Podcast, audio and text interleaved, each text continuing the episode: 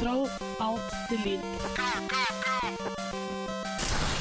Me, Mario!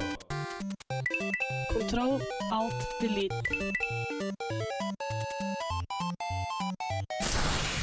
Unable to comply.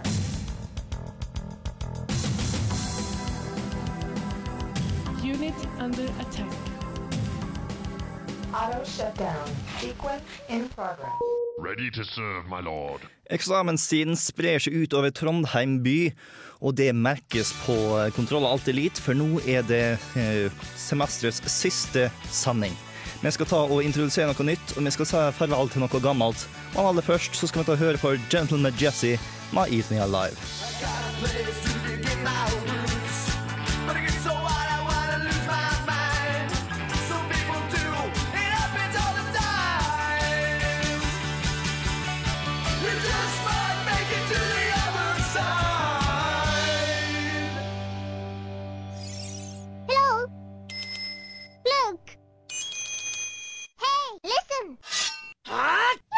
Velkommen til den siste ordinære sendinga av Kontroll Alt Elite dette semesteret her nå. Jeg heter Bård Esta, og i dag så har jeg med meg The Usual Suspects of Kontroll Alt Elite. For eksempel Tor Larsen Sekse, God dag, god dag. Hallgeir Buhaug, Hei sann. Are Fjørtoft Hello! og Erik Vibe. 13 dager til Diablo, folkens. 13 Yes. dager. Så du har altså spilt uh, The Waiting Game i løpet av den siste uka, du altså? The waiting game, ja. Ikke yeah. noe beta på meg, nei. I, I want it fresh. Like Oh, it was awesome. I want it live. Ja. Har du spilt noe annet enn The Waiting Game, da? Jeg har spilt litt uh, Street Fighter uh, 4 mot en Khaled Assam, tidligere medlem. Uh, så har jeg spilt litt League of Legends, og så har jeg holdt på med Batman Arkham City. Masse Det- gammelt, uh, Asse. Ja, mye gammelt. Uh, jeg fikk aldri helt Batman Arkham City til å funke pga. Games for fucking Windows Live. Og, men nå funker det endelig, og nå kan jeg grave meg ned i noe som virker som et herlig spill. Er gjennom Mainquesten allerede, og nå er bare alt det her oppsopet som er igjen. Are, har du også tatt og holdt på med backloggen din, eller? Ja, eh, backlog og backlog. Um, I forrige uke så hadde vi angående sendinger, og da skrøt jeg sånn at jeg hadde klart å få til å spille Pokémon Crystal på mobilen min. Eh, og så runda jeg det og fant så å si alle Pokémoner. Tenkte jeg ja, det var jo gøy. Og så fant jeg ut hei, jeg kan laste ned Gameboy Advance-emulator på mobilen min. Hallo, Pokémon Emerald. Så eh, det er det jeg holder på med nå. Pokémon Emerald eh, for det meste. Hvem er den beste Pokémonen din? da? Hitils. Yeah. Uh, uff, skjøy. Uh, det var ikke Det kommer litt an på, for jeg har en hacka versjon. Jeg har en uh, versjon som heter Emerald 386, hvor du kan få tak i alle Pokémonene. Eh, Kadabra er vel min beste hittils. Eh, han er ganske kjekk. Nei, alle kassene mener, unnskyld. Nice, nice. Yeah. Og eh, Hallgeir, hva er du spalt av? Ja, litt forskjellig, eh, men jeg har, eh, jeg har jo uh, koka sammen en anmeldelse av Trials Evolution til i dag, eh, så jeg spilte litt det. Eh, og så har jeg skaffa meg den eh, infamøse Eurocup-DLC-en til Fifa 12. Det var jo ikke så mye å skryte av, egentlig. Og så har jeg endelig fått organisert eh, Steam-kontoen min, så jeg har uh, ordna meg litt eh, flere folders. Og da har jeg ordna meg en egen folder som heter Backlog. Og den er stor? Ja. Tore? Er jo noe i backloggen du har funnet tak i? Nei, jeg har vært hjemme ei uke, så jeg har uh, sittet og kopa på PS2-en min og spilt Uh. litt diverse. Det ble ganske mye Kingdom Hearts 2. Og så kom jeg opp igjen til byen for et par dager siden, og da var jo Witcher 2 Enhanced Edition kommet. Da har de oppgradert veldig mye, fiksa en del bugs, lagt inn litt mer content. Så jeg har begynt å pirke på det. Men det må bare sies, Witcher 2 ser så bra ut. Mm. Det er glemt perler. Nice. Og den kom nettopp ut på Xboxen, for dere som har gått glipp av den. Eh, Det skal også sies det at Jeg har ennå ikke klart å bestemme, men jeg driver hardt og vurderer hva jeg skal spille mellom Terra og Guild Wars Nei, eh, jo, Guild, Guild Wars Wars 2. Ja. Så eh, det, hvis noen har en hint, vennligst si ifra via Nerdet eller Facebook-sida vår. Hvor lenge har egentlig Guild Wars 2 vært i utvikling? Fem år? Fem? Ja, det er Fire? satans Fem? lenge. Dere vil kanskje legge merke til at ingen av oss sa at vi har spilt Age of Empires 2. Vi sa i forrige uke at vi skulle ta og spille det, men vi brukte i stedet en og en halv time på å prøve å få kontakt med hverandre over nettet, noe vi ikke fikk til. Så Her Oops. krysser vi fingrene og håper på at vi klarer det nasundan her nå. Ja, for jeg og Erik vi klarte det nemlig i går. Vi Oi. hadde jo fridag i går på 1. mai, så da tasta vi ut noe, og da viste det seg at vi fikk det til. Så nå er alt klart. Nå blir det. Sjøl så har jeg tatt og spilt eh, The Walking, Game, The Walking Dead-spillet, som har nettopp kommet ut på Steam, og det er så absolutt verdt å spille. Det er laga av Telltale, så dermed kommer ut i fem episoder i stedet for én stor smekker. Men det er et zombiespill som jeg virkelig liker. Det er ikke pistolene og hagla som tar og har noe her nå. Det er de tøffe valgene og de smarte hodene som får det til å stanse zombiene fra å spise det. Nå skal vi ta og høre på A-laget med klør til det blør.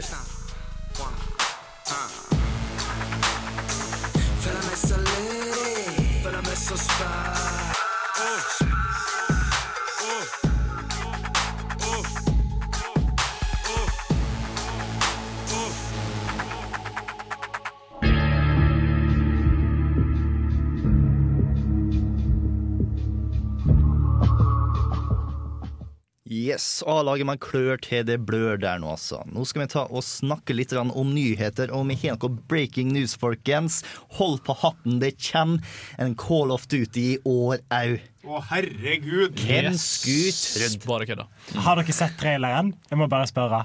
Nei. Jeg Yes, bare Det sett var det største stykket med ost jeg har sett på årevis.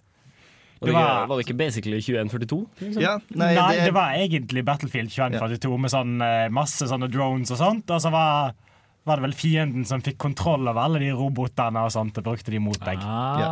For ta er Call of Duty Black Ops 2, som tar eh, og holder sted i 2025, mener jeg på at det var. Både 2025 og 1980.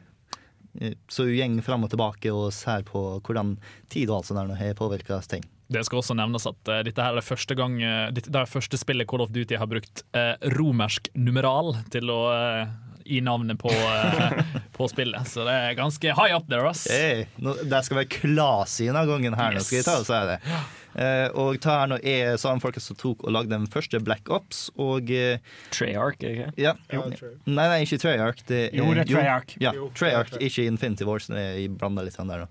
Og eh, faktisk du skal ta og fokusere litt mer på historien av gangen her nå, hvor dine valg Sier de ikke det hver jævla Jo, jo, men av gangen her nå så har valgene dine en betydning. Ja, du får velge mellom pumphagle eller vanlig eh. Du kan velge om du skyter fyren i hodet eller i Nei, nei, hjertet. nei. Sånn som jeg eh, forsto det, så er det sånn at hvis du f.eks. er oppe i et fly, eh, Death in the Sky, alt sånt her nå, hvis du blir skutt ned før du har tatt og gjort alt sammen, så tenker du ikke å starte på nytt og få prøve på nytt. Da har det flyet blitt skutt ned, og du er i deep shit fordi at du er nødt til å ta resten på fot.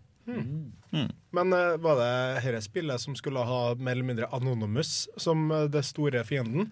Ja, det var noe snakk Ja. om det her nå. Ja. Det er jo så, noen folk som hacker det der uh, autonomous-infrastrukturen til landet ditt og bruker den til å racke havoc.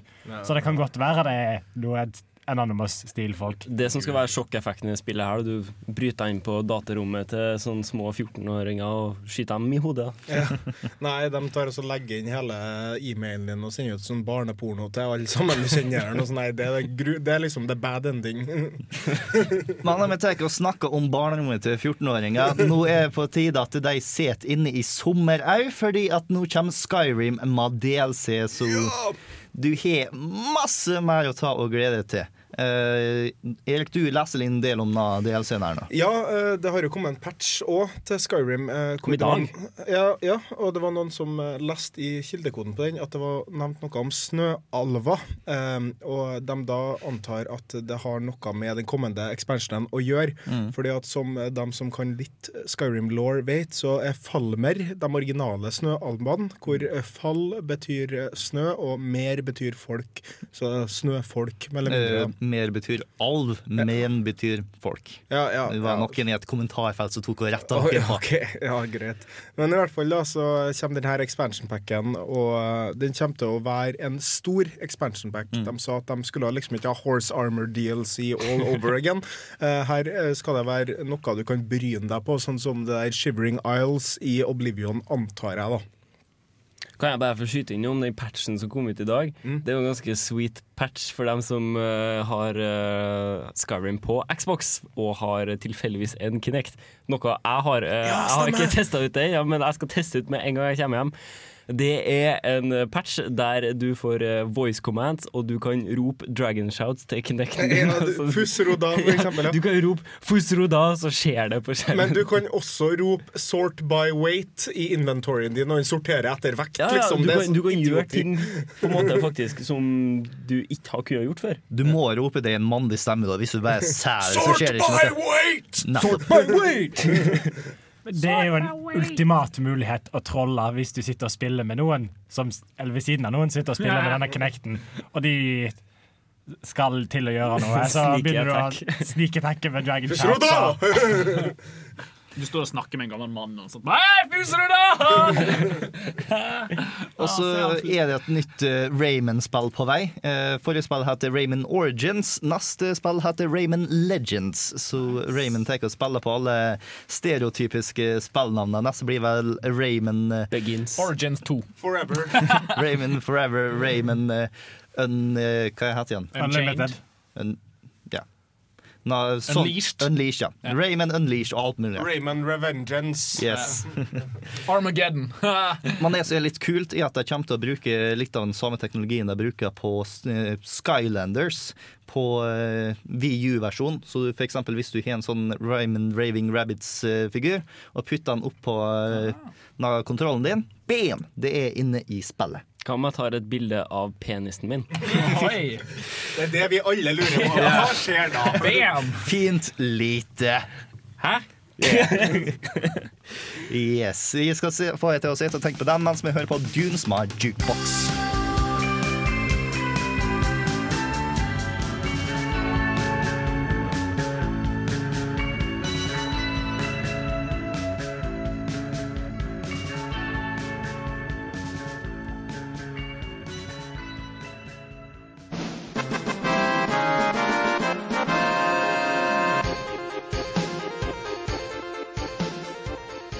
Her om dagen så tok eh, Sony og ga oss eh, et titt på et nytt spill, nemlig PlayStation All-Stars Battle Royale. Eh, den For et navn. Yes, den munnfullen der nå har vært litt lekka opp gjennom de siste par månedene, så vi har visst om at de har planer om en eh, Super Smash Bros-ish eh, spill til eh, PlayStation. Men eh, jeg ble litt interessert i måten jeg tok og slapp løs informasjon om ta spillet på. Vanligvis så tar man spille en fin liten dans når det er et spill som skal komme ut først. Så får du vite tittelen, og så hinter jeg til en trailer, og så er det en cinematisk trailer fra historien alt mulig. Og så etter et halvt år så får du se en god del gameplay, og så blir spillet utsatt. Og så eh, litt mer trailer, og til slutt så får du spillet. Sony bestemte seg for bare å hoppe rett over det. Ikke noe annonsering at spillet er på vei. Ikke noe cinematisk trailer. Det var sånn Hei, vi inviterte en hel haug med folk til å spille spillet, og bare woo! Det var Hva blir det neste? Vi får annonsert en releasedato før vi får annonsert en tittel, liksom. Det er imponerende. Jeg, jeg håper det fortsetter, for jeg begynner å bli lei av dette her. Ja, nå kommer det kanskje. ja, vi utsetter med halv måned. det, det er jævlig irriterende. Jeg husker, jeg husker når jeg gikk i første klasse med videregående, så gleda jeg meg sånn til, eh, til andre klasse videregående, for da kunne jeg kjøpe meg Starcraft 2. Mm. For det, det var jo da det var annonsert. ja. Ja, ja, det stemmer kanskje. Ja. Yes, Men ta spillet her nå. Det vi har sett så langt, er massevis av slåssing med Kratos, en dude fra Killzone, Barappa Eh, the Rapper. Brappa the Rapper, eh, Fat Princess. Fat Princess, Sly Cooper og en til. Ja, det var en kar Å ja, det var eh, Sweet Tooth ifra Ja, eh, mm, Hva heter det? Clank? Nei, nei, Sweet Tooth ifra ta bilspillet hvor du krasjer og alt sånt. Ja, ja, Twisted Twisted Metal. Metal, Twisted Metal. Mm. Metal. Yes. Og eh, det ser ut som et ganske kult spill. Jeg synes i hvert fall jeg, da. Er det noen andre som har noen andre meninger? Ja, jeg er enig. Uh, alle driver og sier ja, det her er en uh, super uh, Nei, Smash uh, Brawl-klone. Rip-off. Rip-off, eh, copy-paste. Men uh, det er ikke så gale. For det er ofte jeg har lyst til å spille Super Smash Brawl bare PlayStation-versjonen, og Ja. kanskje PC-versjonen og kanskje Xbox-versjonen. Og det er jo kjempebra at de bare Ja, vær så god. Eh, Det er jo ikke en rip-off. Eh, Det der er en eh, ting du finner på forskjellige arkader i Japan. Det er en populær måte Hva skal jeg si? Det er en sånn franchise fighter. Det er ikke Nintendo som fant opp crossover-fighteren. Fuckings King of Fighters var opprinnelig en crossover-fighter og var sluppet i 94 eller noe sånt. der. Men, og Samme stil nå med dere slå dem av banen har blitt gjort mange ganger før. Eh, Det er ikke så mye Men det, det nyeste er jo selvfølgelig Smash Bros. Mm. Og det er derfor folk trekker den konklusjonen. Eh, Men jeg syns det ser veldig spennende ut. Eh, Det, det, det er litt mer balanse i det enn Smash Bros ser ut som allerede, i det at det finnes karakterer som bare nesten kan slåss langt unna. Ja. Og det finnes noen karakterer som bare kan være langt inni, sånn som Parappa the Rapper. Han er sånn kung fu master, ikke sant. Og det er jo Og Skateboard wielder. Ja. Og Sly Cooper har en ganske kul funksjon. Ja, fordi han har kan- ikke blokk. Nettopp. Han blir usynlig i stedet, så du er nødt til å spille på en helt annen måte når du spiller Sly Cooper enn Mm. hvis du spiller noen andre. Ja, nei, det ser veldig bra ut, men det som forhåpentligvis blir koseligst med det spillet, er at du forhåpentligvis, k- krysser fingrene, kan grisedenge Nathan Drake. ja. Men, ja. Ja, nei, jeg, vil, jeg tenkte også på det. Jeg har også lyst til å ha eh, fra Shadow of the Colossus, selvsagt. Eh, det hadde vært kult. Ikke bare eh, Hesten, hesten. Ja, ja, ja, ja, ja. Men, men også en av disse her kjempene. Jeg håper en av disse her eh, Shadow of the Colossus-kjempene er en del av spillet. Ja, forhåpentligvis eh, som en del av en bane. Eh, det, måten du tar og vinner i det spillet, er ganske kult. I uh, vanlige fighting-spill så har du en health bar. I Super Smash så har du prosent, og mer prosent jo mer sannsynlig at du detter ut. Det finnes ikke i dette spillet her nå. Her nå så skal du ta og opparbeide til å få spesialangrep, og du har tre nivåer av spesialangrep. Det laveste kan du ta ut én person med. Det høyeste den kan du ta ut alle på skjermen nesten med. Som en jævlig bra pokerball? Ja, så uh, det blir ganske masse mer strategi i det spillet på grunn av det. Nå skal vi ta og høre på Mass Icon med Guatemala.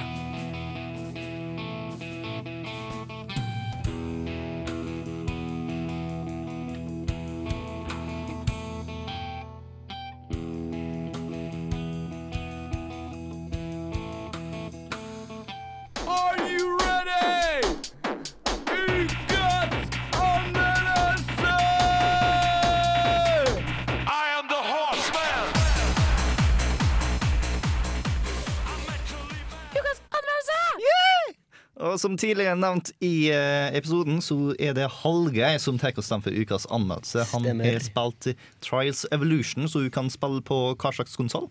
Xbox, du laster ned. Live Arcade. Yes. Så da skal vi ta og høre på om det er et eh, spill verdt å laste ned. I think there's something you should know about me.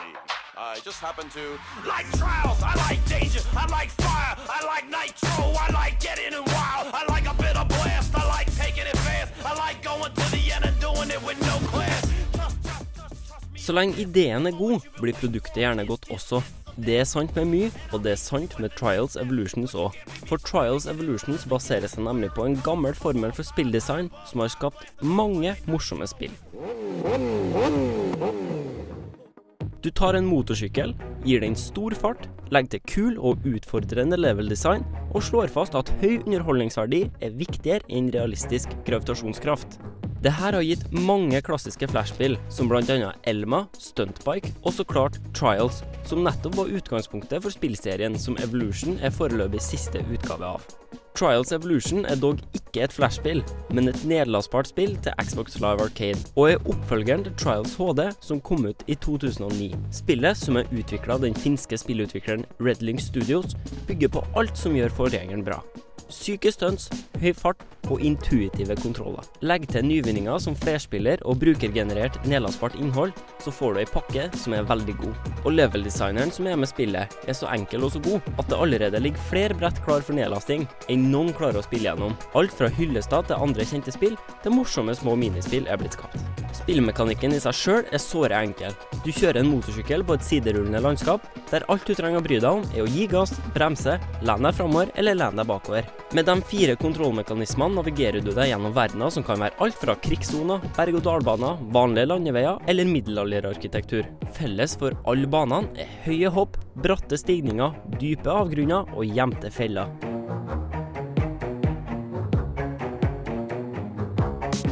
Selve poenget med hver bane er å kjøre gjennom den fort med så få uhell som mulig.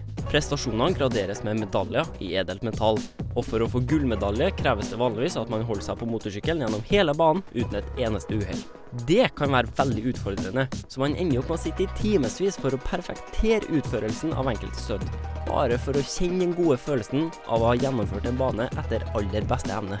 Med det som insentiv, og med tanke på at prestasjonen blir sammenlignet med vennene sine på Xbox Live, får spillet ganske stor gjenspillsverdi.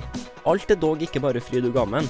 Lyseffekter og grafikk har blitt oppgradert fra Trials HD, men det sørger av og til for at du ikke ser godt nok, og det kan være dumt i et spill som baserer seg på perfekt utførelse av stunts. At man ikke alltid ser hvordan helningen på bakken er der man skal lande, eller at man blir overraska av skjulte hinder som får den stakkars mannen på motorsykkelen til å møte en tidlig og smertefull avgang.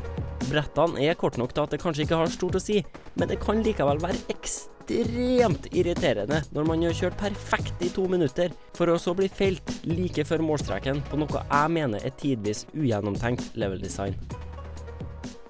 Det skal jo sies at når det mest irriterende jeg klarer å finne med spillet er småplukk ved level-designet, så snakker vi faktisk om et særdeles bra spill her. Med gode intuitive kontroller, sprek spillmekanikk og morsomme utfordringer er Trials Evolution et meget godt spill. Det er dog ikke et perfekt spill, og det faktum at gjenspillsverdien i stor grad blir prisgitt konkurranse mellom deg og vennene dine på Xbox Live, det blir litt billig i forhold til andre spill. Men for all del, det er et godt spill, og havner derfor rimelig høyt på skalaen, med en karakter på 8,5 av 10.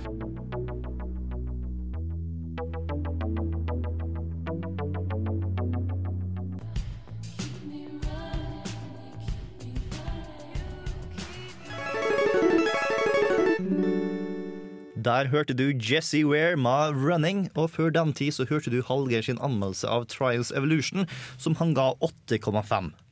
Og det høres ut som et spill som virkelig kan ta og utfordre spilleren. Ja, det kan utfordre spilleren. eh,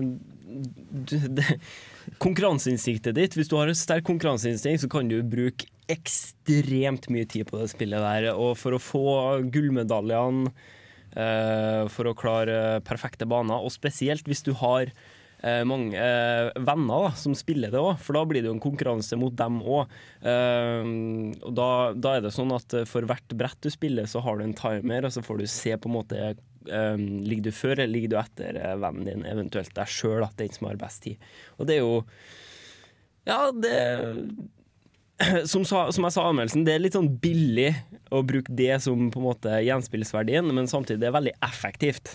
Det er det.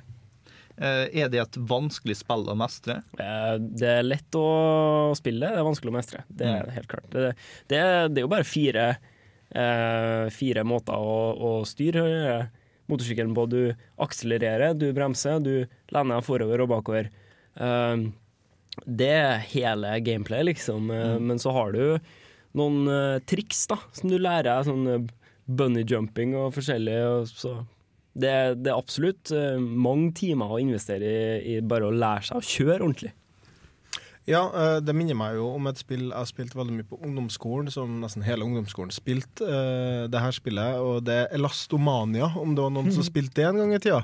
Oh yes. Ja, eh, det er Er det, det som Elma er forkorta til, kanskje? ja, Jeg tror i hvert fall Elma er en, eh, en avart av det. For at jeg Mm. tror at det er dette spillet som starta alle de der spillene, mm. hvor du hadde en mot- motorsykkelkeys, du kunne lene deg frem og tilbake, kjøre fram eller brems. Men i Elastomania så kunne du trykke på space for å snu hele motorsykkelen, så du kunne kjøre i andre retningen. da. Uh, og eh, det, det er jo en sånn her uh, Trials er jo også Det fantes et uh, Nintendo-spill en gang i tida. Eh, hvor du styrte en sånn liten motorsykkelkis, og du kunne lage ene levela. Uh, jeg vet Er Stuntbike det, tror du? Jo, det kan jeg Excitebike? Nei, Excitebike, ja. ja. Stuntbike stemmer. Flash. Og det er jo mye av det samme der òg, bare at det er mer bare hopp og kjøre fort som telt, liksom, på en måte. Mm. Hva slags eh, spiller er det som kommer til å få mest glede ut av Trials? Nei, eh, altså du trenger absolutt ikke å være interessert i motorsport. Jeg er ikke det for fem flate øre. Uh, men er du en som liker å konkurrere med deg sjøl, og som uh, som har, ja, som har litt konkurranseinstinkt, og som uh, liker å få en mestringsfølelse av å, å gjennomføre noe perfekt, så er det absolutt et spill for deg. Det er faktisk et spill for de aller, aller fleste. Kjæresten min syns det er kjempegøy. Så med litt konkurranseinstinkt og den typiske gamer-OCD-en, som gjør at du skal ligge før alle vennene dine på Ja, alle banene, så har du veldig mye underholdning der. Definitivt.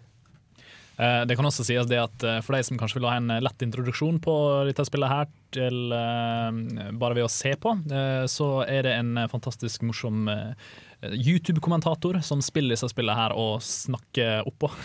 og har fantastiske kommentarer. Han heter Robbas, R-O-B-B-A-Z. Kongen av Sverige, kaller han seg sjøl.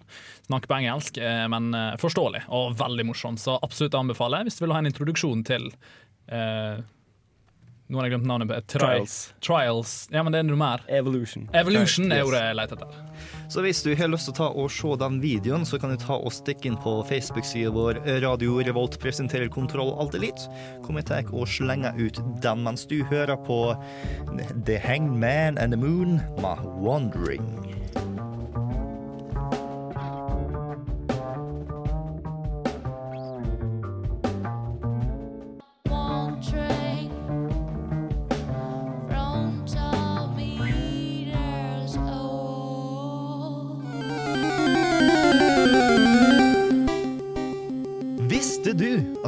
Sammenheng mellom Assassin's Creed-serien og den populære fantasy-serien Game of Thrones? I Assassin's Creed Brotherhood er antagonistene Borgia-familien.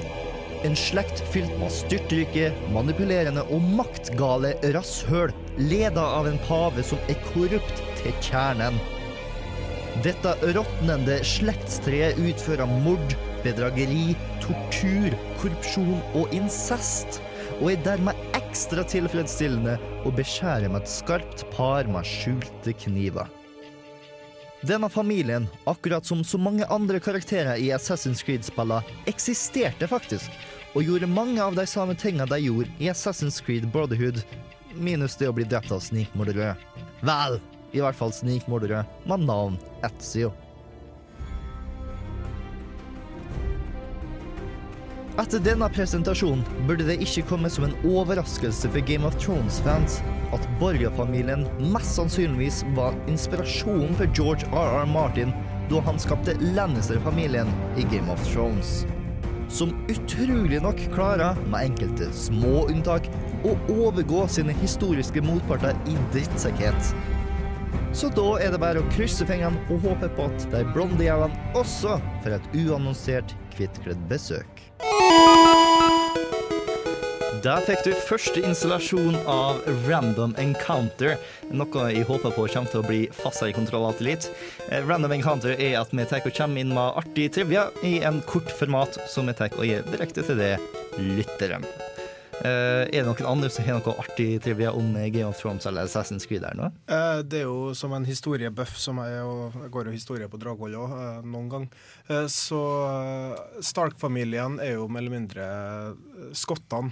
Hvis du ser på Vesterås som eh, et land, så ser du at det er forma veldig likt som England, eh, eller da Storbritannia. Og eh, Stark-familien og hele nord egentlig virker som eh, et spill på da skottene sitt opprør mot engelskmennene, eh, som også gikk i vasken, da, uten å spoile historie for dere, så, eh, så gjorde det faktisk det. Det er også en konnotasjon der at uh, An Alistair always pays his debt. Eh, da uh, skottene er gjerrige Uh, og skal gjerne ha tilbake igjen det som er der. da. Uh, der er faktisk en hel artikkel om hvor faktisk de minner om skottene. og uh, jeg mener å si at uh, Alistars er vel Lannisters. Lannisters, unnskyld, er vel eh, Ja, det er liksom herskapet. Mm.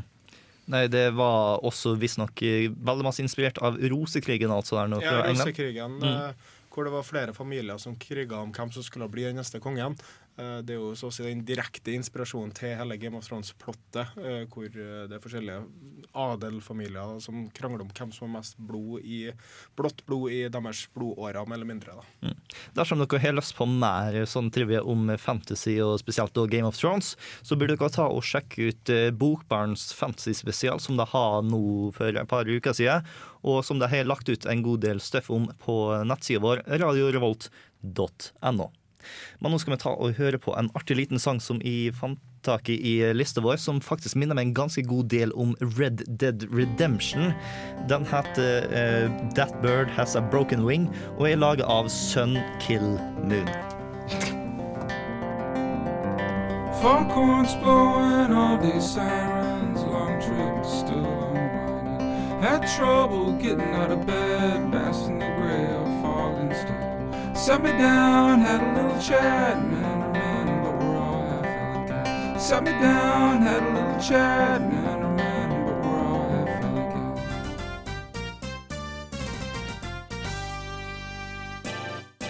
Har du spørsmål, utfordringer, ting du føler vi bør ta tak i, eller noe helt annet du vil spørre oss om, da kan du sende mail til nerd.radiorevolt.no. Ønsker du heller å tweete oss, kan du finne oss på Twitter, hvor vi heter rr-spill. Du finner oss også så klart på Facebook. Radio Revolt presenterer Kontroll Alt Elite. Der legger vi ut nyhetsoppdateringer, konkurranser og så klart masse enkel nerdehumor. Det var altså e-mail nerd.radiorevolt.no, Twitter rr-spill og Facebook Radio Revolt presenterer Kontroll Alt Elite. Vi høres neste onsdag. Yes, dere burde så absolutt gjøre det Hallgeir sa akkurat nå. Ikke sant, Hallgeir? Ja. Eh, nå tar første time og gjeng før slutten. Eh, vi kommer til første time av siste ordinære sending, men vi kommer nok til å komme tilbake et par ganger til i løpet av sommeren. Diablo spesial! Yes. E3 spesial! Eh. Det er en god del folk her nå som er ganske hypa opp på Diablo. og Jeg, jeg tror ikke jeg klarer å holde kjeft om det, så hvis det en gang i tida jeg tenker å invadere ørene dine og snakke om det i en time eller to, ikke bli overraska. Max Payne 3. Halv sanning bare for Payne 3. Eh, Vi kommer også til å ha en E3-spesial. E3-konferansen er kvelden eh, 4. juni og fram til natt til 5. juni. Dette vet jeg fordi at de har eksamen morgen 5. juni, og er usikker på om jeg skal gidde å se Sony live eller ikke. Jeg har tre eksamener den uka. Vi håper også at du har fulgt med nå nettopp på hvordan du skal eh, søke oss opp på Facebook og Twitter og sånn, fordi vi skal ha en eh, quiz. Eh, Vi vet ikke helt hva dato, men den kommer i mai mest sannsynlig, så Mm. følg med der hvis du har lyst til å slenge deg på Brukbar i Trondheim og utfordre oss, våre kunnskaper. Yes, Klarer du å være smartere enn det vi legger opp til, kom og bevis oss feil, eller noe sånt. Eh, og ta her nå er også den siste sendinga hvor vi har med oss Are Fjørtoft, dessverre. Ja. ja. verdens mest joviale sunnmøring har ikke lyst til å være i Trondheim lenger, og tar og forsvinner fra byen. Så andre time kommer til å gå tilbake i fortiden til den personen som vi kjenner som Are Fjørtoft, dersom det er ditt virkelige navn. Så følg meg, følg meg. Eh, hvis du hører oss live på radioen, så kommer du til å høre kristen radio i stedet. Så jeg anbefaler deg på sterkeste å dra på radiorevolt.no og høre oss på livefeeden der nå. Hører du oss på podkast, så er du smart. Eh, da slipper du å tenke på det. Samme hvis du hører på Stream on demand. Eller podkast. Eller podcast, som sa i stad. Mm. Ja. Eh, stream on demand er også fint eh, dersom dere ikke har prøvd det før, fordi at eh, da kan dere høre Alma-spillmusikken Vi kommer til å spille i andre time. Vi har ikke lov til å legge det ut på podkast fordi at folk er det og støv og har lyst på penger, men når vi tar og streamer, så går det helt fint. Og det finner du på radioarkivet på radiorevolt.no. Nettopp. Eller du kan høre oss på podkast. Ja, podkast dersom dere ikke har fått dere det ennå. iTunes, ass. Yes. ITunes. Gi oss god anmeldelse på iTunes. Nå kan dere i hvert fall ta og høre litt på Susanne Sund før White Foxes, med mindre du hører på podkast. Det er yndlingssangen min.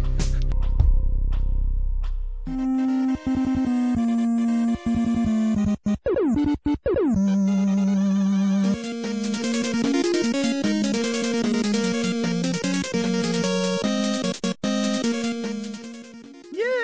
spesial i time to. Yes, vi skal gå way, way, way back in time før enkelte av dere er født, dersom du er veldig ung. For du har vært med i radioen i en veldig god stund nå. Are. Å ja, det skal jeg love deg. Eh, jeg ble med i radioen, ikke kontrolltillit, jeg ble med i radioen først, eh, i et program som heter Pomade. Eh, høsten 2006. Wow. Så der er bare å gjøre matta. Så hvor gammel var du i 2000, høsten 2006? Uh, I og med at jeg er 25 år nå, så var jeg vel Jeg blei 19. Uh, jeg var 18, men blei 19 en måned etterpå, cirka. Når jeg blei med. Hadde PlayStation 3 kommet ut, da? Uh, i, etter Høsten. min forståelse så hadde den netto kommet ut. Den eh, høsten 2006 den kom ut i november. Nei, den ble vel annonsert. Det var Xboxen som hadde kommet ut på Ja, den tida. jeg. Ja, for jeg hadde en kom- Xbox Ja. eh, på den tida, men ikke en PlayStation. Det kan stemme. Ja. Nei, eh, Xbox, nei, PlayStation 3 og vi kom ut i november-ish 2006. Ja. Så eh, du har vært med lenger enn PlayStation 3. Det, Yes. That's damn impressive. Har du vært med lenger enn alle oss fire andre til sammen, omtrent? Nesten, tror jeg. Ja, noe sånt. Ja, jeg tror det er to, Det er fire, seks. Hvis vi ekskluderer teknikeren, så kan det stemme, faktisk. That's damn impressive. jeg har vært der lenge, da. Eh, og da begynte jeg på det sånn hverdagsprogram Pomade. Som, Mm. eh, men jeg var jo egentlig, målet mitt var jo egentlig kontroll litt fra begynnelsen av, men da tok ikke de opp folk, eh, for de hadde full stab. Og da var det Pomade jeg ble med på. For eh, riktighetens skyld, PlayStation 3 var for salg 11.11.2006. Men var det i Norge? Var spørsmålet. Jeg lurer på om det var i statene først. Det var vel antageligvis i Japan først, vil jeg tro. Ja, I Ja, gamle dager da de ikke har World Wide releases på Steff. Så jeg tror eh, i alle fall PlayStation Det var i Japan. Ja, det, jeg tror ikke PlayStation 3 kom ut før sånn i 2007. før 2007, det er på den tida. Men eh, også ble jo jeg med i Kontroll litt eh, um, våren 2007. Mm. Og siden da har jeg vært med. Yes. Og da har hun overlevd alle som var med i Kontroll alt det lite der nå. Eh, det noen store navn fra den tida? Altså, det ble jo Knut Sørheim, eh, som de fleste som har hørt på oss eh, siden den gangen, som eh, stifta Kontroll Atlit eh, tilbake igjen i gudene veit når. 2002, tror jeg. Ja, Langt tilbake igjen, i hvert fall. 2005, mener jeg. Unnskyld, Napoleonstiden. Ja, det langt, langt, langt tilbake igjen. Og uh, første Kontroll Elite er faktisk det første radioprogrammet om uh, spill som, eh, i Norge som har blitt stifta og laga. Det, det er i hvert fall det eldste. Det er vi, absolutt. Mm. Vi var det første som ble lagd da, så da er vi automatisk også det eldste. Så eh, det har vært en ære, rett og slett. Og eh, det har, vært gøy å gå litt sånn Memory Lane-aktig ting, eh, for det var jo time to skal være Hei, Are, Are. Ja, nei, for nå har vi tatt og dratt frem en hel haug med ting ut av skapene dine. Og vi skal ta og gå i omvendt kronologisk rekkefølge med det nyeste først, og så gi vi tilbake i tid og hører du blir dårligere til å klippe og yngre i stemmen og alt som mulig. ja. ja, det, det blir gøyere, for det, det, tro meg, det blir dårligere og dårligere jo lenger vi kommer inn i sendinga. Men en liten twist har jeg gjort. da Jeg har, jeg har miksa litt opp sangene, eh, men sangene også er veldig relatert til min radiokarriere. Eh, men aller først uh, er, det jeg må si med det dere nye, nyeste generasjonen, da, hvis vi skal snakke Pokémon-aktig, uh, the new gen, uh, det dere har introdusert som er noe av det gøyeste jeg har vært med på, det er disse her topp ti. Topp ti spillhelt, topp ti spillkvinne og topp ti sp- ja, og spillskurker. Uh, Det er noe av det morsomste jeg har vært med på, for det er skikkelig gøy å drive og krangle på e-post. Uh, Anne vi har slengt frem og tilbake igjen, og prøvd å finne de ti beste. Eh, Og akkurat det har jeg også henta frem. eh, Fra topp ti spillskurk. Ja, Nummer seks på den lista, det er Creeper. Nummer seks, Creeper fra Minecraft.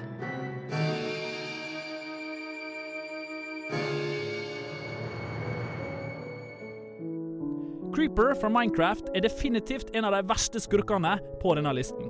Ikke fordi Creeper har et stort mål om verdensherredømme og underlegge alle mennesker til slaver, men fordi den enkelte greit har en eksplosiv nysgjerrighet. Likevel, etter nøyere analyse av denne grønne skapningen, så har vi faktisk kommet frem til en viktig del av creeperens motiv. Hva, spør du? Jo, nemlig det at ah! Faen! Ah! Helvete, Scott. Og han ødela halve studiet! Hva faen, da?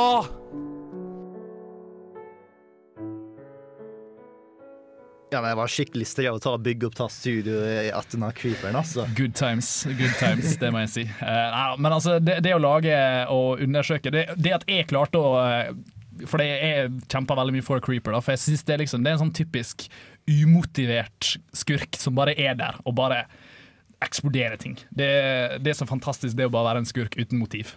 Mm. Litt sånn som uh, zombien der med mer eh, fireworks. Ja, enkelt og greit. Sørglingen etter en sixpool. Ja. Eh, Men du har funnet tak i Master òg? Ja, eh, sangen eh, vi skal høre nå, eh, er fra min eh, gode gamle stund tilbake i Pomade. Eh, da jeg lagde en sak om Matt Harding. Eh, de fleste vil Matt da, Harding? Matt Harding, ja. De fleste vil kjenne han som eh, Dancing Matt. Som, eh, eller Where in the World Is Matt Now. Eh, som da var en fyr som eh, drev og lagde Nei, drev og dansa, og så lagde han et klipp, Ja, og så dansa han i flere titalls land. Um, jeg lagde en sak, men eh, jeg ga den saken var så dårlig at jeg måtte bare skrape den. Eh, det jeg mot, derimot har funnet frem, det er den sangen som Amette danser til. Danse, danse til, danse til. Som er da 'Dancing Lullaby'.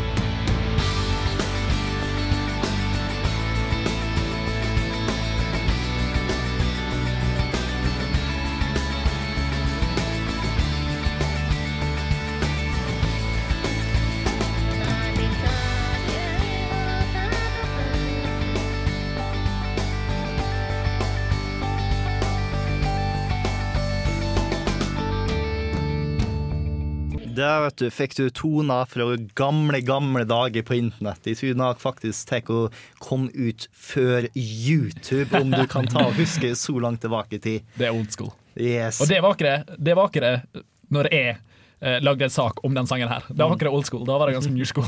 da var det bleeding edge. Ja. Jeg vet hva, jeg begynte faktisk i Radio Revolt før YouTube eksisterte. Kom ikke vi fram til det nå? Ja, mer eller mindre. 2007 vel? Det så gammel jeg er. Men internettet er ikke noe du er ukjent med, for Nei. eh, du har tatt og bestifta et veldig godt kjent med. Eh, Bekjentskap. Ja, eh, sammen med mine tre kollegaer her fra Kontrollatellitt. Eh, tilbake igjen i 2010, eh, kanskje 2009. Eh, begynner å skurre litt. Ja. 2010 mener jeg å si det var. det, ja. det, det var vel når vi ble tatt opp. Ja, vet du hva, det stemmer. Januar 2010. Det er riktig. Det var første sendinga. Eh, og da eh, Det var vi gjengen fra Kontroll til eh, som da besto av Truls Istre. Erlend eh, Kobro. Kobro og Khalid Asam. Oss tre lagde Oss fire eh, lagde da altså, programmet Internettet, og det het det, da. eh, Som også var en veldig morsom eh, gimmick, at det het Internettet. Eh, absolutt eh, veldig gøy del av radiotida mi. Mm, og vi har faktisk introen til internettet som vi skal ta og spille av nå. What is it?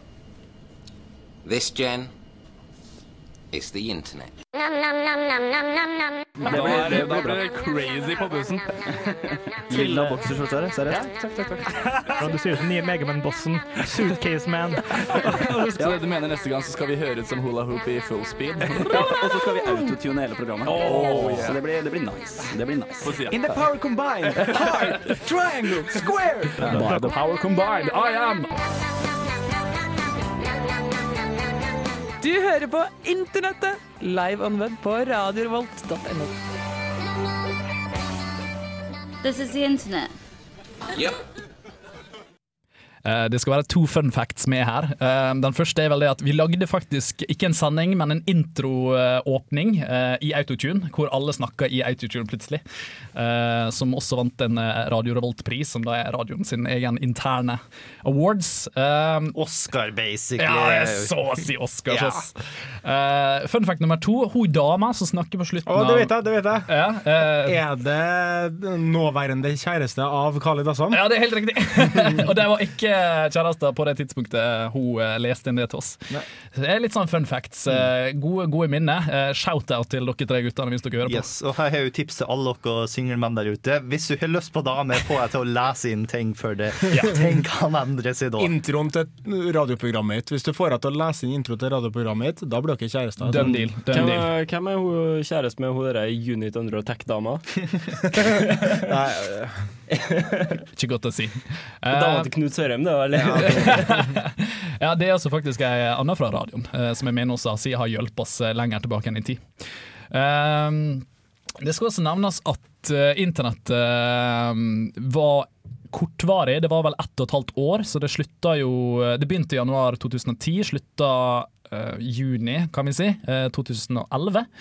Eh, men absolutt eh, hadde det fattelig gøy, da. Og da forsvant både Truls og Erlend og Khalid, alle tre samtidig. Eh, så da var det umulig å opprettholde det bare for alene. Men Kontrollert litt var jeg med hele tiden, da. Denne introen her lagde jeg også helt sjøl. det var jeg som klippa sammen to sendinger eh, til masse lydklipp, og fikk hun Solveig til å lese inn, og fant musikken som bare er sånn mememusikk. Eh, og absolutt en kul. I tillegg til det så lagde jeg den her, en av mine favorittjingler eh, i hele min radiokarriere. Det må være den her. Ukas meme!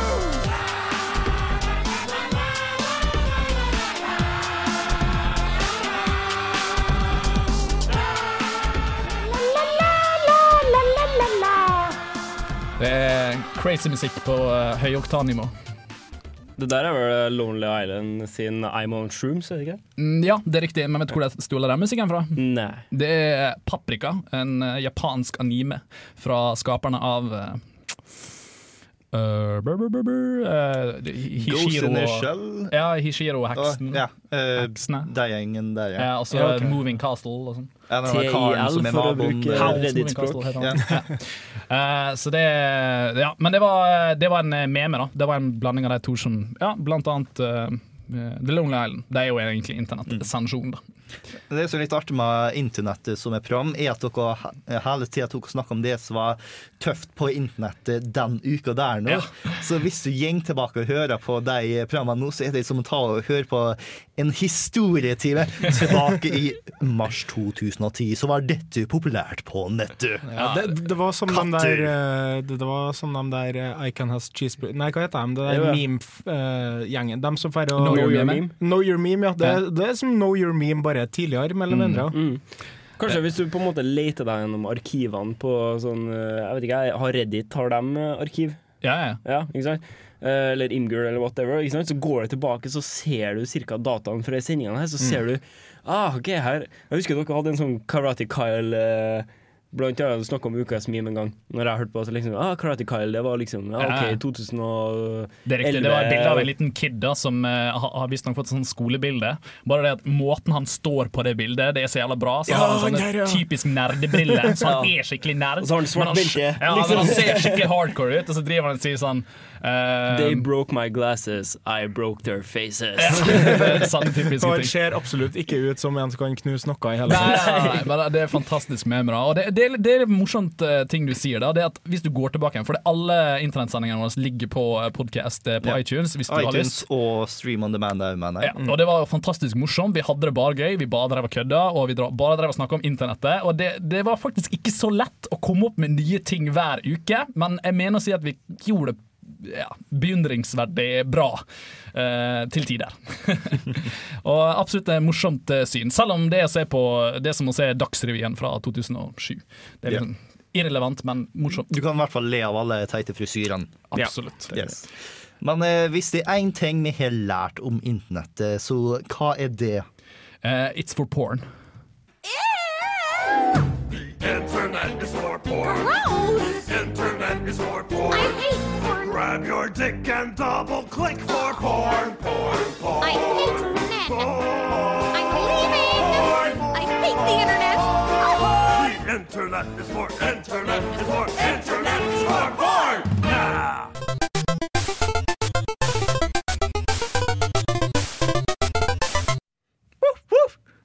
Yes, for eh, nå har vi snakka nok om internettet. Det er et fantastisk konsept og et artig program, men det er kontroll alt elite vi eh, holder på med her nå. Og eh, du har tatt og gjort masse rart i løpet av karrieren din. Absolutt. Uh, Du har nesten eh, anmeldt alle Fifa-spillene siden du ble tatt opp. Jeg vet det. Eh, Det irriterer meg den dag i dag at jeg tillot Truls Istre å ta over Fifa 2010-anmeldelsen. Uh, fordi jeg hadde anmeldt både 8 og 9, så tenkte jeg ja, greit, du kan jo få 10.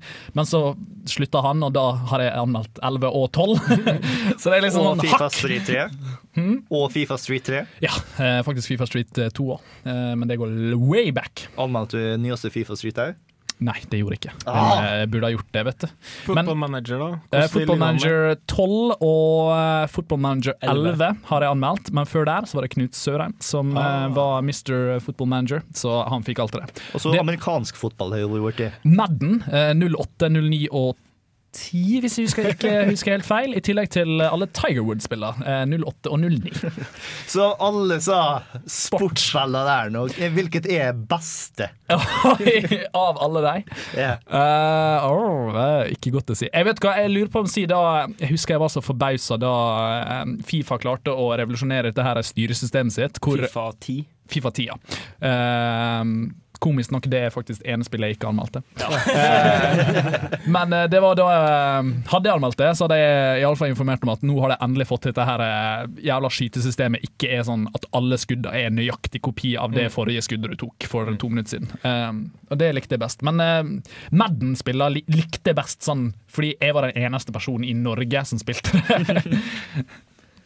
Ja, nei, Amerikansk fotball har liksom ikke slått så hardt igjennom blant det norske folk. Det begynner å bli, da, føler jeg. på en måte Ja, det, det, det, det begynner å bli en nisje. Sport uten offside. det er ikke å se på. Jeg mener å si at det er offside i amerika amerikansk Nei. fotball. Nei, en slags nei, offside. Nei.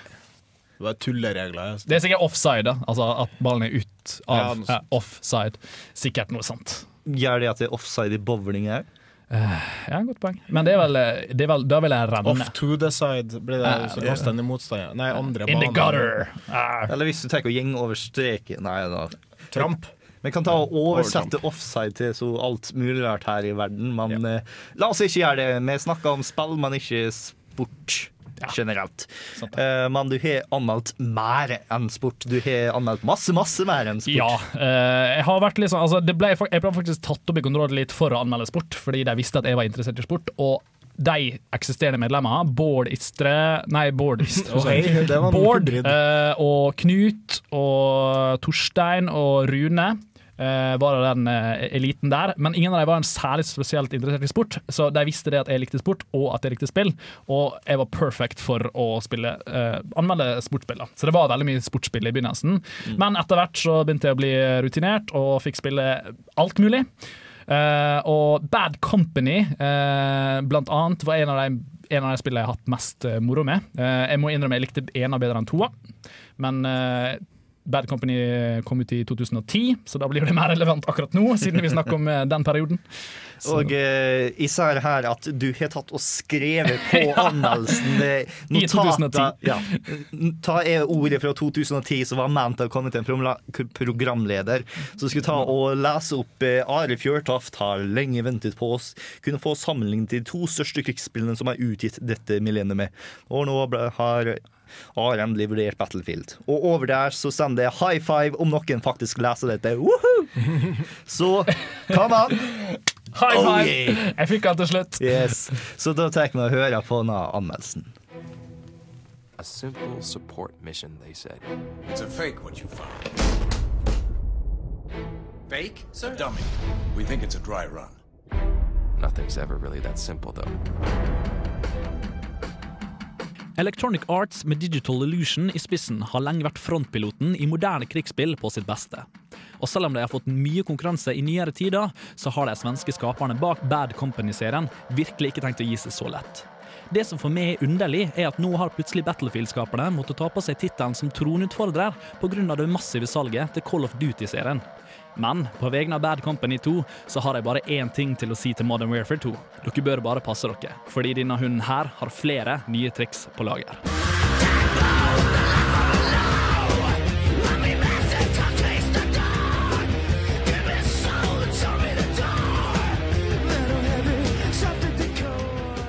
For å få unna det nødvendige. Battlefield Bad Company 2 har selvsagt en enspillerkampanje. Dessverre så klarte jeg å spille meg gjennom denne lett på bare 7-8 timer. Og det var midt i en lat påske hvor jeg hadde plenty med tid til å oppleve det meste. Likevel, det var en fartsvill hendelse, og pulsen er stadig på vandring mellom absolutt hvilepuls og absolutt vodkapuls. Ganske så heftig, med andre ord. Historien var helt OK. Stemmeskuespillet var fornøyelig, og generelt så hygga jeg meg lett gjennom hele kampanjen, uten å føle at det var noe unødvendig eller kjedelig med. Du får valuta for pengene, med andre ord. Likevel, jeg sier det som de fleste andre, man spiller Battlefield Bad Company 2 for flerspillerdelen. Alt annet er bare bonus.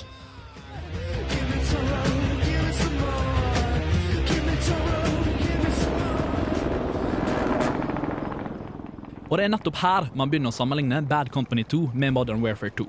flerspillerdelen. Det er tross alt på denne delen av spillet hvor alt begynner å skinne av pur diamant. Før jeg leder dere an til å tro at dette her kommer til å bli en kamp uten like, så skal jeg stoppe dere der. Jeg sier det bare rett ut. Battlefield Bad Company 2 vinner duellen med flere hestehoder foran Modern Warfare 2. Hvorfor, spør du? Jo, fordi Battlefield viser virkelig at de er veteraner på dette området her. Likevel så har ikke dette her stoppa dem fra å hele tiden tenke framover. De har virkelig klart å skru opp stemningen, fått flere skudd inn i bildet, laga større eksplosjoner, tenkt ut bedre taktiske baner og generelt tenkt på at uansett hva de har prestert i fortiden, så kan de gjøre bedre. Og det har de nettopp gjort med Bad Company 2. Om du har spilt forhengen, ja, så vet du hva du kommer til. Men alt er blitt finpussa og finpolert ned til hver eneste minste detalj. Det vi sitter igjen med da, er et krigsspill som er laga av og for pur glede. We want you to do what you do best. Be unorthodox. Be lethal. Can you do that for me? We can do that, sir. Battlefield Bad Company 2 har mye å bevise, spesielt i og med at deres lanseringsdato falt etter Modern Warfare 2. På forum over hele verdens internett så florerer det med krangler om hvilken som er best av dem. Men for meg så står Battlefield igjen som en klar vinner. Nydelig grafikk, fantastisk følelse og kontroll over gameplayet, dynamiske hus som du bokstavelig talt kan skyte ned til grunnmuren, og et bunnsolid flerspillersystem gjør at Battlefield tar gullet over motstanderen. Så om du ennå ikke har brukt opp pengene dine på fill eller hyttekos, så bør du ta deg turen til butikken og skaffe deg ditt eksemplar. It's gonna get real ugly.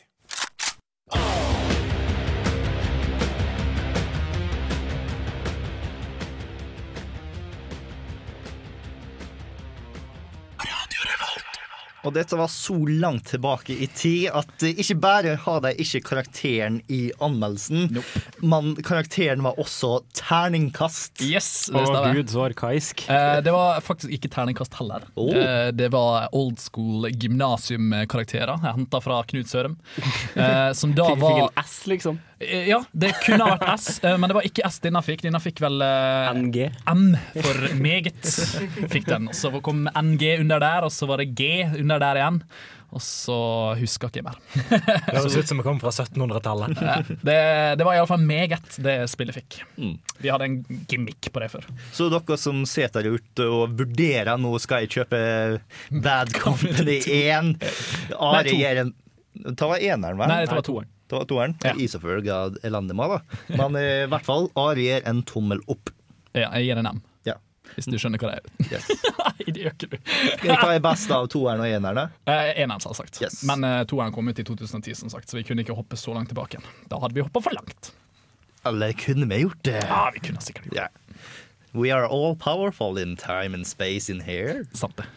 Eh, når vi snakker om tid og sted, så har vi også tatt og kikka tilbake før du ble tatt opp til og med, og sett på eldre spill i retrogamer. Ja, det også var en stor del av egentlig det å være med i Kontroll litt. Enten så anmeldte du et spill som hadde kommet i går eller i forgårs, eller så anmeldte du et spill som kom ut for 10 år siden eller 20 år siden. Eh, og jeg har alltid, og det, det er fremdeles den dag i dag, så mener jeg å si at Megaman er en av de spillseriene som står meg nærmest hjertet. Eh, og det har det vært eh, Ja, sånn har det vært hele tiden. Mm. og Derfor måtte jo jeg selvsagt lage en retroanmeldelse av Megaman 1, selvsagt. Tilbake igjen i ah, Er det 2009 vi har beveget oss over til? 2008-2009. Langt, langt tilbake i tid. La oss høre på hva fortid Are har å si om Megaman.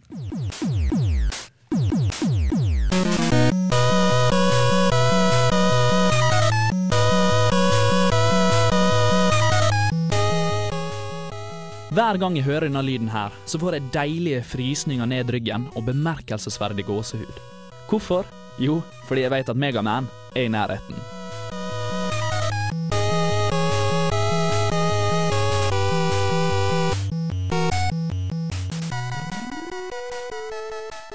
Megaman var det spillet jeg spilte mest på da jeg fikk min første NES. Spillet kom originalt ut i 1987, så til Europa i 1989. Og spillet tok virkelig verden med storm fra dag én i alle verdens landsdeler. Alt med spillet var veltenkt og vel utført, da også historien. For historiens gang går ut på at Dr. Thomas Light bygger en robot kalt Protoman, som kan bygges og reprogrammeres til så å si alt. Gi han saksehender, og han blir Cutman. Gi han kjøleskapskrefter, og han blir Iceman. Gi han en fyrstikk, og han blir Fireman. Og så videre, og så videre. Dessverre for Dr. Light så var den onde Dr. Wiley sjalu på han, og han omprogrammerer derfor alle robotene som Dr. Light har skapt. Han rekker heldigvis ikke å omprogrammere de to første robotene som ble skapt, Megaman og Roll. Dr. Light sender derfor ut Megaman for å redde verden fra de onde robotene, og til slutt Dr. Wiley himself.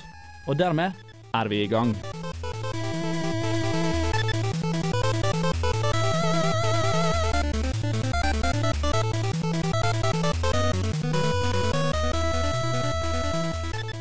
Spillet er virkelig en perle i spillverdenen, og kunne med sitt banebrytende gameplay involvere og fascinere sitt publikum fra første bane til den siste.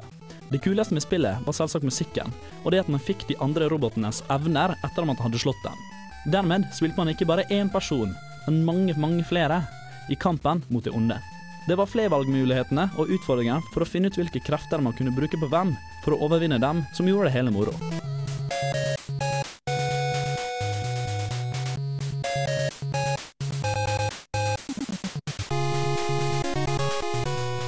Megaman er alltid en helt i mine øyne, men som mange andre ikon så begynner han å slite litt på oss sine eldre dager. Konseptet kan dessverre bare bli brukt så og så mange ganger, men etter spill nummer 11 og 12 begynner man å bli litt lei av de samme kjedelige spillene som tytes ut for å tjene penger. Megaman er derfor blitt et offer for kapitalismens klør, noe vi har sett blitt skjedd mang en gang. Men jeg gråter ikke, for jeg husker den gode gamle Megaman som ikke brydde seg om historier, plottvister, penger og alt annet. Nei, jeg husker den gode, lille blå klatten som entra banen og skjøt alt som beveger på seg, for deretter å stjele det han ville av andres krefter. Det er slik jeg husker min Megaman. Det er slik jeg husker min gode, gamle helt.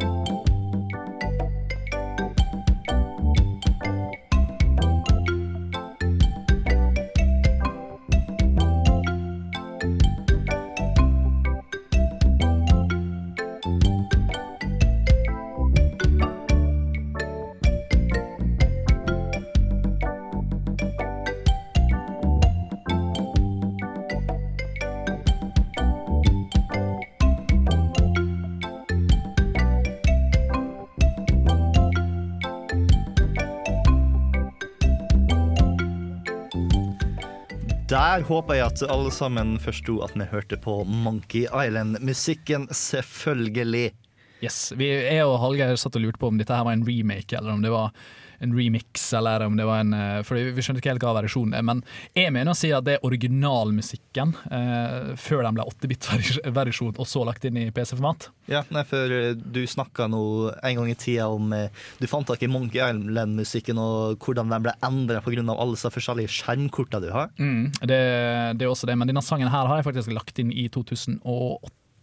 7-8, så dette her er før eh, til og med remaken av eh, Monkey Island kom ut. da Så vi, vi er litt eh, Og det kunne heller ikke være Monkey Island 3, Nei, fordi, fordi- den har mye mer kalypso-trommer. Yes, så vi er litt sånn eh, Jeg vet ikke helt hvor jeg har fått denne sangen her fra, men den ble lagt inn i 2007, og jeg brukte den ja i en, en sak hvor jeg sammenligna Monkey Island-sanger eh, i à la hva eh, sånn spillkort, musikkort de kom fra dataen. Og da var det alt fra til sånn som fantastisk eh, flere tunes. Det var en artig sak, husker jeg. Ja, det var, jeg likte den. Kanskje jeg skulle ha dratt den opp, men eh, vi har ikke så mye tid. uh, på lista mi her nå så det står new item. Hva er, eller rettere, og slett sagt, hva new item? Ja, Vi trenger ikke å høre alt av New Item. Jeg synes det var en morsom ting å dra frem. Fordi som du la merke til, eh, bemerka i sted angående internettet, hvis du laster det ned, så er det liksom aktuelt akkurat der og da.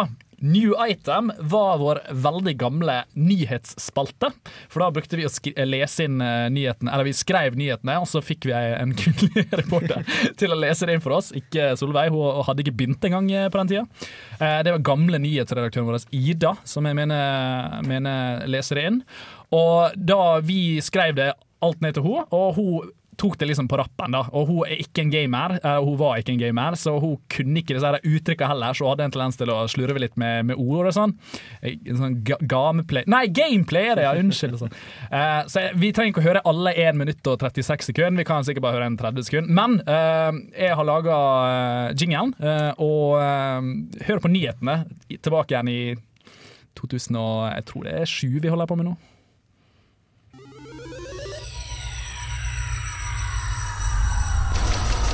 Good evening. The following newscast is of utmost importance to the security of our nation. Tell me your children. And we stand together to win the war against New item! 2K Games og Windows lanserte nylig en demo av det høyst forventa Windows-spillet Bioshock. Spillet, som har fått strålende kritikk av verden over, kommer ut på Xbox og PC, og rommer hele 1,85 gigabyte.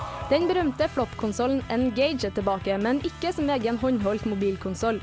Selskapet bak Engage og Nokia har lansert nye planer for spill til de fleste av nye mobiler som tåler denne typen grafikk. En talsmann fra Halo kom nylig ut og sa at Halo 3 er så nær ferdig som det kan bli. Spillet er 99,9% ferdig, men er likevel ikke fullstendig. Den siste prosenten skal være ganske så viktig for at spillet skal bli komplett. Verden venter derfor i spenning på den siste ene prosenten i Halo 3. Stadig nye sportsspill har oppdaga den lille, men populære konsollen Wii. Den populære tennisspillet Top Spin og Fifas største utfordrer, Pro Evolution Soccer, har funnet veien til Nintendos interaktive lille boks med de revolusjonære bevegelsessensorene i håndkontrollene. Begge produsentene lover stor bruk av kontrollene til det fulleste, og det er ikke mye som skal holdes tilbake for å gi spillerne en realistisk og underholdende opplevelse. Jeg heter Ida Spjelkavik, og det her var New Item, spillnytt for ekte nerder. Yes, Halo 3 nesten ferdig. Bioshock. Og Engage. Ja, ja, 2K Games. Ja, og ikke minst det, endelig så kan vi få en realistisk tolkning av sportssjangeren Det var tidenes største løgn, hva fant vi ut der. Eh, Så det, men har ikke tenkt å spille av alt, men det var bare så underholdende å høre Ja, på høre fortiden.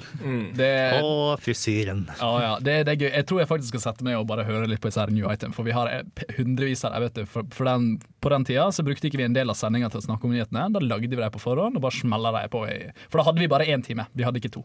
Yes. Men nå har vi kommet oss langt tilbake i tid. Nå har vi faktisk kommet så langt tilbake i tid at vi skal høre på den aller første anmeldelsen du lagde for Kontroll Alt Elite. Faktisk. Eh, Det er faktisk ikke den første, men den første var Burning Crusade, og den likte ikke i det hele tatt. Det var mitt første forsøk whatsoever. Det her er derimot den første gangen jeg fikk sjøl velge et spill, for Burning Crusade ble slengt i fanget og si ja, anmeld det her. da. Eh, Men Pong eh, er det vi skal høre nå. Jeg lagde en retro-anmeldelse av spillet. Pong, som jeg, jeg fikk Det var en slags utfordring til meg sjøl for å teste meg sjøl om klarer jeg faktisk å lage en spillanmeldelse av Pong. Bing bong bong. Everywhere.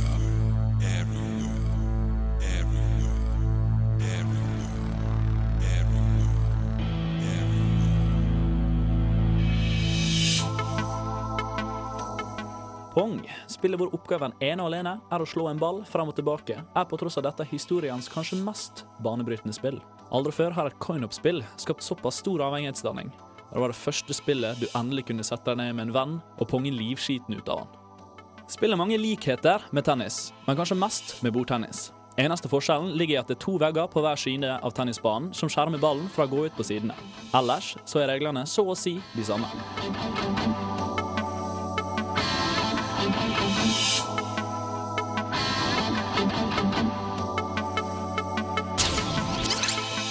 Til tross for at veldig mange spillentusiaster vil påstå at dette er det første myntdataspillet i historien, så tar de grundig feil. Computer Space slo dem nemlig med et helt år. Likevel så bør det jo legges til at Pong knuste Computer Space og hersket spillverdenen på det tidlige 70-tallet. Til tross for at det ikke var det første myntspillet, så har det æren av å være det første spillet da det ble oppfunnet William A. Higginbottom. Han oppfant så å si spillet i et laboratorium på en oldtidsdatamaskin, og det ble døpt Tennis for Two. I 1966 lagde Ralph Baer et design for et program som kunne kjøres på en vanlig TV-apparat. I 1970 presenterte han dette spillet til TV-produsenten Magnavox, som til da hadde blitt døpt Ping Pong etter lyden den lagde da den traff streken.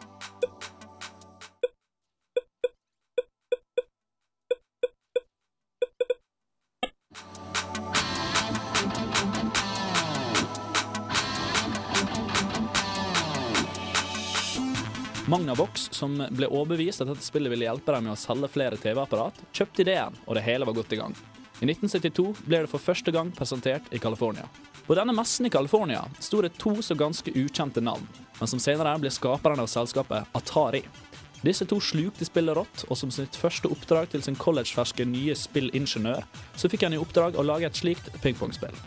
Da dette ble ferdig, ble dette døpt Pong, siden pingpong hadde allerede blitt tatt. Og salget var i gang.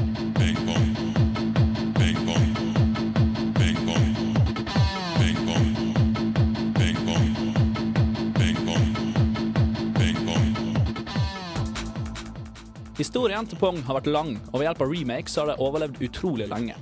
Dette spillet har nemlig så mange remakes og har blitt kopiert og fornyet så mange ganger at det slår til og med sin gigantbror Tetris i antall remakes.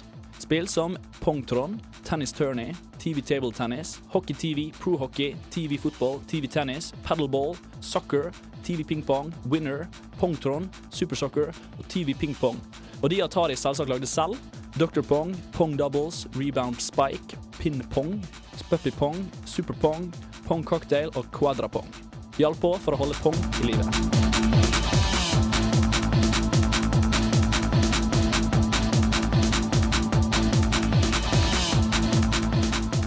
Meg så vil Pong alltid være det lille ekstraspillet man fikk i Keen. Et ufattelig enkelt, men gøy spill som gikk ut på å unngå at ballen gikk ut på din side av baneavdelen.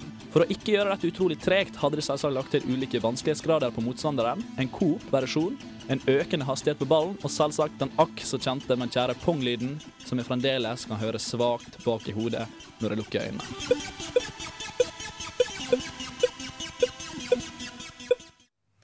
Yes, da har vi tatt og ja. Jeg vil bare si at det var jo ufattelig heldig til Are nå at han vant den Atari håndkontrolleren som Ja. vi eh, vant på spillquizen et, etter vi spilte, hadde en liten sånn intern Munchkin-turnering. For da kan du jo gjenoppleve det fantastiske Pong-spillet om og om igjen i din egen stue. Det er sant, Ikke bare når jeg lukker øynene og hører lyden av pong i bakgrunnen. Høres ut som en mentalpasient. Og jeg aner ikke hvordan jeg klarte å lage en spillanmeldelse av Pong på 3 minutter og 46 sekunder. Jeg syns det er en imponerende bragd i seg sjøl, rett og slett. Du tok jo veldig mye av den tida med oppramsing av andre Pong-spill òg, da. Jeg tror det var 30-40 sekunder bare med oppramsing av spill. Du har sikkert fått det veldig sånn innprenta at en spillanmeldelse skal være omtrent helt eksakt 3,5 minutt. det- Noe annet er ikke akseptabelt. OK, da må jeg lage Pong på 3,5 minutter. Ja, det, det er riktig. Det var noe i alle den regelen vi hadde før. Men nå har vi tatt og vandra nedover memory lane med alt igjen Are funnet tak i til oss, men det tar lyst å få fram. Men nå, nå går vi inn i memory back alley med det vi har funnet fram til han. Eh, vi går faktisk før Kontroll Alt Elite, Are. Nå får vi tilbake til Promade-Are, eh, hvor vi har porno for deg blinde. Trying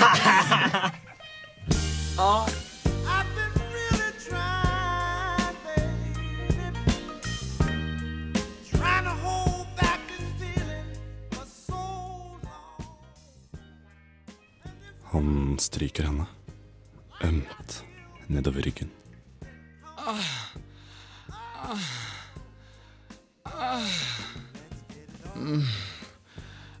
å, å, å, fy faen. Å, du har mye hår. Å, dæven, det var mye hår på ryggen du hadde da. Å, hei, Fido. Eh, vi, vi prøver igjen. Sugar,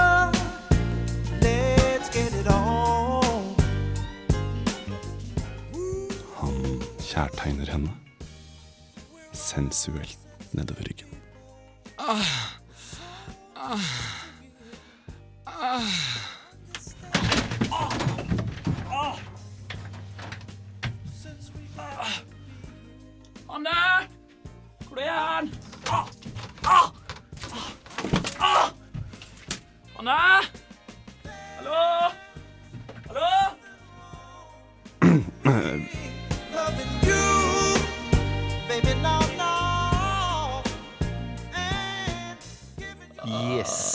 Ordentlig kvalitetsradio. Men det var jo bra. Det var steinartig. Ja, det var, Morsomt hund, var det. det ble Jeg kåt, der. jeg. Jeg burde ha kutta vekk det. Ass. Men uh, den siste punchlinen der var faktisk uh, morsom. Det, jeg, husker, jeg husker hvordan jeg lagde den scenen. Via, altså, gamle studioet vårt Det var på størrelse med et bøttekott. Uh, og det var liksom bare et rundt bord og så masse stoler. Men det jeg gjorde, da, det var at jeg henta inn fem-seks stoler til, og så satt jeg dem tilfeldigvis rundt i rommet. Og så satte jeg på mikken, og så tok jeg bind for øynene, og så begynte jeg å gå rundt i rommet. Og eh, lyden der er faktisk ekte. Det er, jeg får faktisk vondt, for jeg knuser kneet inn i ting og tang, og jeg snubler og jeg, jeg faller over, og jeg lager den lyden sjøl, så det er jævla pinlig, men eh, det var gøy, faktisk. Hvem er pornostemmen vi hører i bakgrunnen der nå? Det er nåværende programleder Eller er han programleder? Han er iallfall spillanmelder for uh, Film- Filmofil på P3. Nei, Rune film, Håkonsen. film, filmpolitiet. Filmpolitiet, unnskyld, ikke er Programleder for uh, P3 Morgen. vel? Det kan nok stemme. Var i hvert fall det i en periode. En kjent stemme i radioverdenen, iallfall. Uh, Mm. i Iallfall innen spill. Uh, Rune Håkonsen. Yes. Som jeg også har vært romkamerat med. Uh. Yes, på kollektiv. Det var skikkelig uh, der det ble spilt inn, da? Eller? Ja. Der ble det spilt inn mye Mass Effect, men uh, faktisk så ble dette her spilt inn på Samfunnet. Fordi nå har jo vi flytta oss opp på Lykasbygget, som er en par 200 meter over Samfunnet. Men eh, dette her var tida da vi hadde sendinger og studio og all produksjon og drikking, for, for så vidt, på Samfunnet. Yes. Helt, helt oppi taket. Og nå kommer vi til det første, det aller, aller første Are noensinne lagde for Radio Revolt. Så var de nyes nattsamling. og nå har vi tatt og lett tak i de beste bitene. Og legg merke til hvordan alt sammen enten starter med ja eller yes.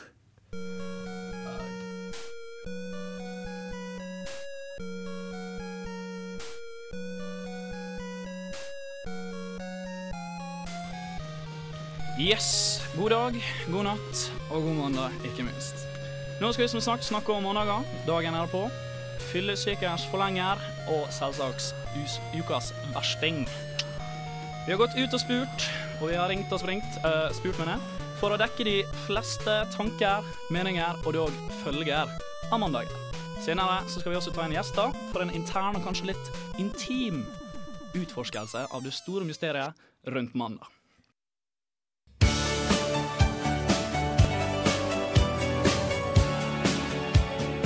Du våkner, gnir deg i øynene, gjesper og drar deg sakte opp av senga. Trøttere enn aldri før. Men hvorfor akkurat i dag? Jo, mandag. Hva er det som gjør at akkurat denne dagen er så innmari vanskelig å stå opp på? Som du sikkert har skjønt, så er mandag ikke min favorittdag. Og det er veldig mange der ute som deler mitt syn.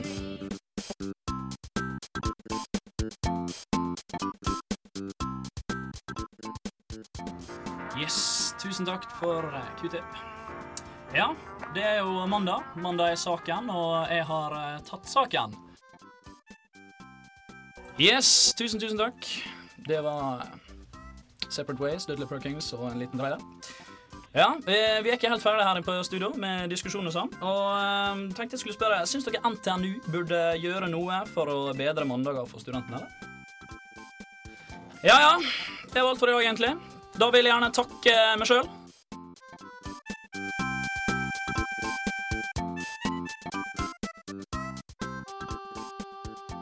Yes! Ja. Yes. Ja, ja. Jeg vil takke meg sjøl. What the fuck var det? Jeg syns det hørtes gjennom hele greia som at du prata med en veldig fremtredende underkjeve. Jeg, jeg, jeg, tror jeg var Malin Marlon, Marlon. Brando den kvelden der. Ja. Og en liten potet i kjeften. Ja, Jesus, altså. jeg, jeg vet ikke, jeg tror, jeg tror det var liksom nervøsiteten min som tok over, og bare en, en radioperson som tok, uh, tok over Yes. hele kroppen min. Yes. Yes. Det her, er- ja, dette her er Ja, ja. Det blir bra. det blir bra Og Jeg, jeg, jeg snakker ikke bo nei, nynorsk før heller. Jeg tror jeg snakker bokmål. Ah, gud, det var katastrofe. Det var jævlig gøy, men det var katastrofe. Vi har vært der alle sammen. Ja, det er det. Men dette der skal sies, det var seks år siden. Og, eh, det gjennom det å se hvor du begynte, at du kan se faktisk hvor langt du har kommet. Og eh, som jeg akkurat hørte, du har kommet deg ganske langt. Yes! Ja, ja. Ah.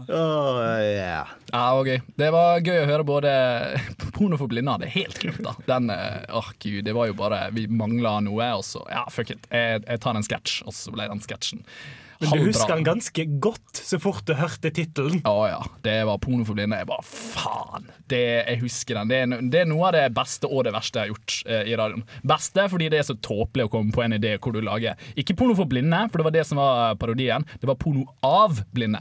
Eh, som ikke gikk helt bra. Men eh, det var jo gøy, og Nyest nattsending er jo Nyest nattsending. Der tar jeg ingen selvkritikk, fordi det er første gang du er på radio, og da er du så nervøs at du skjelver i buksene og uh, snakker med bokmålsk Marlon Brando-dialekt. Ah, Men det var gøy. Ja.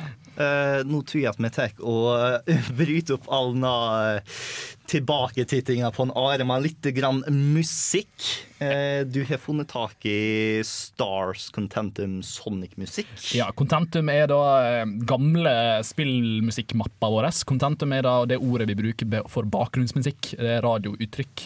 Eh, og da gikk jeg egentlig bare jeg gikk på den mappa, så fant jeg alt jeg hadde lagt inn i den mappa, og så trykte jeg på eldst, og så henta jeg så å si det beste av det eldste jeg fant. Så denne her er old school når den ble lagt ut.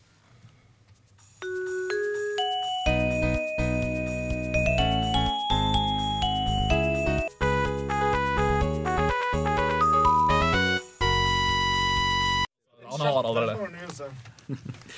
Yes. Uh, Manta er det aller siste vi kommer til å høre av Are, i hvert fall i offisiell forstand. Kanskje han kommer tilbake på besøk om skjebnen skulle dra han tilbake til Trondheim by, men På en eh, onsdag. Ja, altså hvis, hvis det skjer noe spillfett nede i Fredrikstad, så er det mer dere skal ringe til. Ja, det skal vi det, det er vel en deal.